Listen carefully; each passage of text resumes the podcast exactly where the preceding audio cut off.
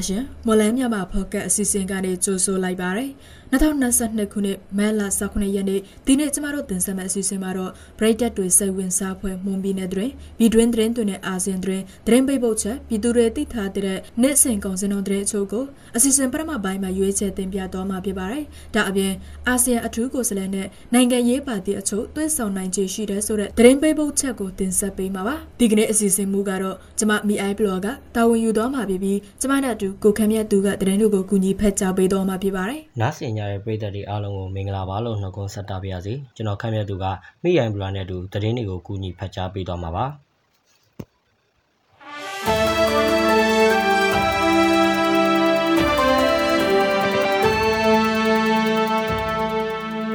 န်ပြည်နယ်ကနေလှန်းစားထုတ်တဲ့ဘောင်ထမ်းပင်ချောင်းတံပြူဆက်ပငါကရော့ပီရေးမျိုးနယ်တွေမှာဖြစ်ပေါ်တဲ့စားစင်းတော်တွေကိုစစ်တမ်းကောက်ချက်အရတပိတ်တာကျပ်200ဖြစ်နေပြီလို့မွန်ပြည်နယ်စန်ရောဘာစားတစ်နှစ်တာစစ်တမ်းပြုလုပ်တဲ့ NEI ကဆိုပါတယ်။ရတဲ့ဥတုကဖောက်ပြန်နေတော့ဒီအချိန်စား90ရာနှုန်းထွက်ရမှာမရဘူးဖြစ်နေပါတယ်။မနှစ်ကစားလက်ကြံလည်းမရှိတလို့ဆိုတော့ဆက်ပလိုင်းထက်ဒီမန်းကများတော့ကျွန်တော်တို့မကြုံဘူးတဲ့စားကြံတပိတ်တာကျပ်200ဝန်းကျင်ဖြစ်သွားတယ်လို့ပြည်နယ်စားလုပ်ငန်းအငိမ့်စားတူဖြစ်တဲ့ဥခင်ဆိုကဆိုပါတယ်မနေ့ကတည်းအချင်းဆို85ကျပ်လောက်ပဲဒီနှစ်ကကျပ်100လောက်ပို့သွားတယ်လို့သူကဆက်ပြောပါတယ်မွန်ပြည်နယ်မှာတော့ယခုနှစ်နေလှမ်းစာထွက်ရှိမှုဟာရာတဲ့အစကဖြတ်မိုးရွာခြင်းရာတဲ့အကောင်တို့မှာလာနေညာမိုးရွာဖို့ခက်မှန်ထားပြီး90ရာနှုန်းသာထွက်ရှိနိုင်တယ်လို့သိရပါတယ်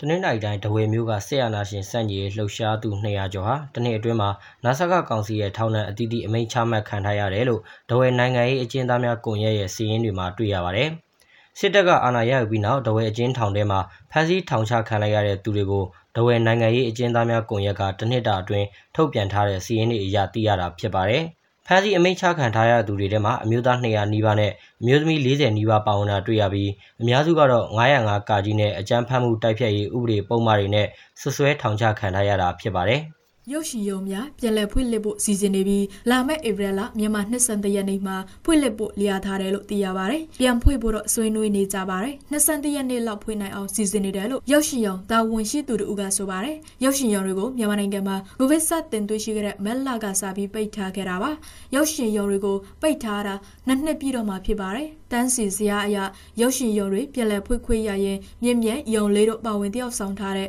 original gangster တုံးကိုယုံသေးရမယ်လို့ရုပ်ရှင်အတိုင်းဝိုင်းကဆိုပါတယ်မြန်မာပြည်တွင်းကစစ်ရှောင်တဲ့ပဏိပခရှောင်တွေအတွက်ကမ္ဘာစားနယ်ရေးခါအဖွဲ့ WFP နဲ့အတူလက်တွဲပြီးဆက်လက်ပံ့ပိုးသွားမယ်လို့ရန်ကုန်မှာရှိတဲ့ဂျာမနီတန်ယုံကမနေ့ကပြောလာပါတယ်။တန်ယုံကြီးက WFP နဲ့အတူစစ်ရှောင်စခန်းတွေကိုတွားလေ့လာခဲ့ပြီးနောက်မှာအခုလိုသတင်းထုတ်ပြန်လာတာဖြစ်ပါတယ်။ ဂျာမနီဟာမြန်မာပြည်တွင်းက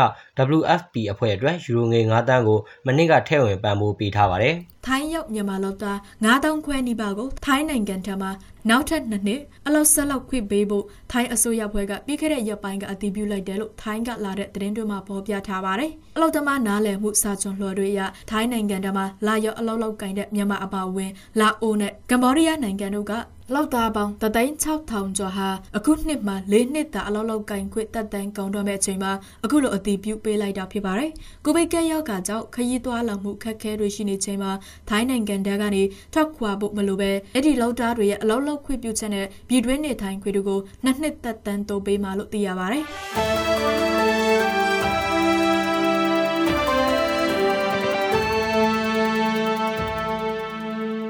ဟုတ်ကဲ့ဆက်လက်ပြီးတော့ပြည်သူတွေသိထားတဲ့နေ့စဉ်ကောင်စင်တော်တွေအချို့ကိုမလမြိုင်ကောင်စီတိုင်းကချက်လက်တို့ကိုအခြေခံပြီးကျမကတင်ဆက်ပေးပါဦးမယ်။ဒီကနေ့ထိုင်းနဲ့မြန်မာငွေလဲနှုန်းကတော့ထိုင်းဘတ်59တရမ93ညဝယ်ဈေးရှိပြီးတော့ရောင်းဈေးက60တရမ43ညရှိနေပါတယ်။ဒေါ်လာဈေးကတော့ American ဒေါ်လာကိုဝယ်ဈေးမြန်မာငွေ1998ကျပ်ရှိပြီးရောင်းဈေးကတော့1986ကျပ်ရှိနေတာပါ။ရွှေဈေးနှုန်းကတော့မီလ16ပဲရေတစ်ကြက်သားကို20သိန်းနဲ့15ပဲရေတစ်ကြက်သားကို18သိန်း2500ရှိနေပါတယ်။73စီတို့ကတော့ဒီဇယ်တလီတာကို1965ကျပ်အောက်သိန်း92တလီတာကို1985ကျပ်နဲ့95တလီတာကို2100ကျပ်အထိရှိတာပါ။ ရဘာစင်းနှုံမှာအကောင့်ဆုံးကတော့နေလန်လွတ်တပောင်ကို1180ကျပ်ရှိနေပါတယ်အစံစင်းနှုန်းကတော့အကောင့်စားပေါ်စံမွေးစံသား90ကို9000ကျပ်အလဲလက်တန်ဆန်မျိုးစားပေါ်ကျွဲတစ်စံသား80ကို4000ကျပ်နဲ့အမထဆန်တွေကတော့စံသား80ကို11000ကျပ်နဲ့စံသား90ကို11000ကျပ်ရှိတာပါကျွန်တော်တို့ရဲ့မွန်လိုင်းမြန်မာပေါ့ကတ်မြန်မာဘာသာအစီအစဉ်ကိုအားပေးနားတော်တာဆင်ရတဲ့ပရိသတ်များခင်ဗျာ ကျွန်တော်တို့အတန်လွင့်အစီအစဉ်ကနေပြီးတော့မွန်ပြည်နယ်မှာဖြစ်ပျက်နေတဲ့သတင်းတွေပြည်တွင်းငြိမ်းချမ်းရေးဖြစ်စဉ်တွေအပြင်မြန်မာနိုင်ငံသတင်းအာဆီယံသတင်းတွေကိုအပတ်စဉ်တနင်္လာအင်္ဂါဗုဒ္ဓဟူးနဲ့ကြာသပတေးနေ့တွေမှာည9:00နာရီအချိန်မှာ Mon New Agency Facebook စာမျက်နှာမှာဝင်ရောက်နားဆင်နိုင်သလိုမွန်လိုင်းမြန်မာပေါ့ကတ်စာမျက်နှာမှာလည်းဝင်ရောက်နားဆင်နိုင်ပါပြီအားပေးကြတဲ့ပရိသတ်အားလုံးကိုကျေးဇူးတင်ပါတယ်ခင်ဗျာ အခုတင်ဆက်ပေးသွားခဲ့တာကမက်စလာ19ရက်နေ့မှာဖြစ်ပျက်ခဲ့တဲ့မွန်ပြည်နယ်တွင်ပြည်တွင်းသတင်းနဲ့အာဆီယံသတင်းတွေပြင်တနိဒာစီစေးငွေစေးနဲ့ကုန်စည်နှုန်းတွေကိုတင်ဆက်ပေးသွားခဲ့တာဖြစ်ပါတယ်။ဆက်လက်ပြီးတော့အာဆီယံအထူးကိုယ်စားလှယ်နဲ့နိုင်ငံရေးပါတီအချို့တွဲဆောင်နိုင်ခြေရှိတဲ့ဆိုတဲ့သတင်းပေးပို့ချက်ကိုစတောင်းနုံကတင်ဆက်ပေးပါရရှ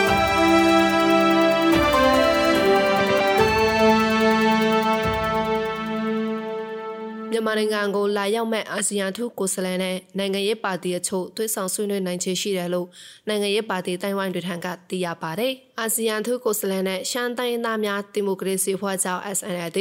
ပြည်သူ့ပါတီ PP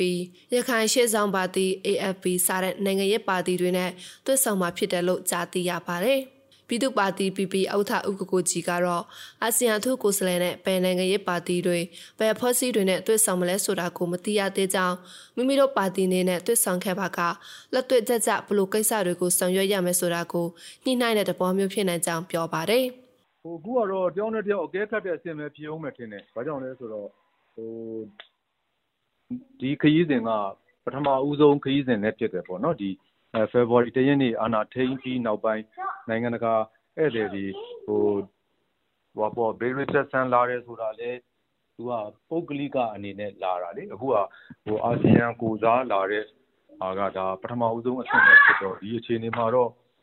ဟိုတယောက်နဲ့တယောက် နည်းနည်း တီးခေါက်တဲ့သဘော နောက် လက်တွေ့ကြကြဘယ်ကိစ္စတွေမှာ ဆောင်ရွက်နိုင်မလဲဆိုတာကို ညှိနှိုင်းတဲ့သဘောမျိုးလောက်ပဲ ဖြစ်ဦးမယ်ထင်တယ် နောက်အခေါက်တွေ အခေါက်တွေမှာတော့ ဒီထက်ပိုပြည့်စုံတဲ့ ထူးခြားတဲ့ တွေ့ဆုံမှုမျိုးတွေ ဖြစ်လိမ့်မယ်လို့ ထင်ပါတယ် SNLD ပါတီဥက္ကဋ္ဌ စိုင်းညွန့်လွင်က အာဆီယံအထူးကိုယ်စားလှယ်နဲ့ တွေ့ဆုံနိုင်ရေး မိမိနာမည်ပါဝင်နေတာကို ကြားသိမိကြောင်း ဒါပေမဲ့လည်း ခုချိန်ထိ ချိတ်ဆက်ဆောင်ရွက်တာ မရှိတဲ့တော့တွေ့ဆုံဖို့ မရှိတော့ဘူးလို့ ပြောပါတယ်။ အဲ့ဒီလိုပဲရခိုင်ရှေ့ဆောင်ပါတီ AFP ပါတီဥက္ကဋ္ဌ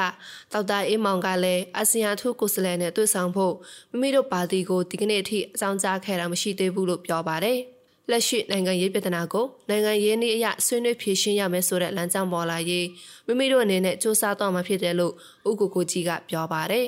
။ဟိုအဓိကကတော့ပြဿနာကိုနိုင်ငံရေးနည်းလမ်းအရဆွေးနွေးဖြေရှင်းရမယ်ဆိုတဲ့လမ်းကြောင်း ဒါပေါ်လာဖို့ကိုပဲအဓိကကျွန်တော်တို့မျှော်လင့်ရမှာပေါ့နော်မဟုတ်ရင်ကျွန်တော်တို့ကဟိုအပြုတ်တိုင်းမှရမယ်တယောက်နဲ့တယောက်ဟိုလက်နက်ကင်ဒေါ်လာရေးရလွဲပြီးတော့အခြားနည်းလမ်းမရှိဘူးဆိုတဲ့ပုံစံမျိုးကအင်မတန်အန္တရာယ်ကြီးတယ်အဲဒါကြောင့်မလို့ကျွန်တော်တို့ကဟိုနိုင်ငံရေးရတွတ်ဆုံဆွေးနွေးမှုပြန်ပြီးပေါ်ပေါက်လာဖို့စတင်နိုင်ဖို့ပေါ့လေအဲ့ဒါပဲကျွန်တော်တို့ကအဓိကကြိုးစားမှာပါ အာဆီယံအထူးကိုယ်စားလှယ်မြန်မာနိုင်ငံကိုရောက်ရှိလာပါကတနိုင်ငံလုံးပြစ်ခတ်ရက်စက်ရေးသဘောတူစာကြောင့် NCA လက်မှတ်ရေးထိုးထားပြီးအပြစ်ရက်စက်ဖွဲ့နဲ့ဖွဲ့စည်းထားတဲ့ငင်းချမ်းရေးလုပ်ငန်းစဉ်ဥဆောင်ဖွဲ့ PPSD နဲ့တွေ့ဆုံဖို့စီစဉ်ထားပေမဲ့အချိန်ကတ်သက်ကြောင့်မတွေ့ဆုံနိုင်တော့ကြောင်းသိရပါတယ်။မြန်မာနိုင်ငံကိုမတ်လ20ရက်နေ့မှာလာရောက်မဲ့မြန်မာနိုင်ငံဆိုင်ရာအာဆီယံထုကိုယ်စားလှယ်မစ္စတာဘရက်ဆိုခွန်နဲ့နှဆကဥက္ကဋ္ဌတို့တွေ့ဆုံမှာဖြစ်ကြောင်းအဲ့ဒီနောက်နိုင်ငံရေးပါတီအချို့နဲ့လည်းတွေ့ဆုံမှာဖြစ်ကြောင်းသိရပါတယ်။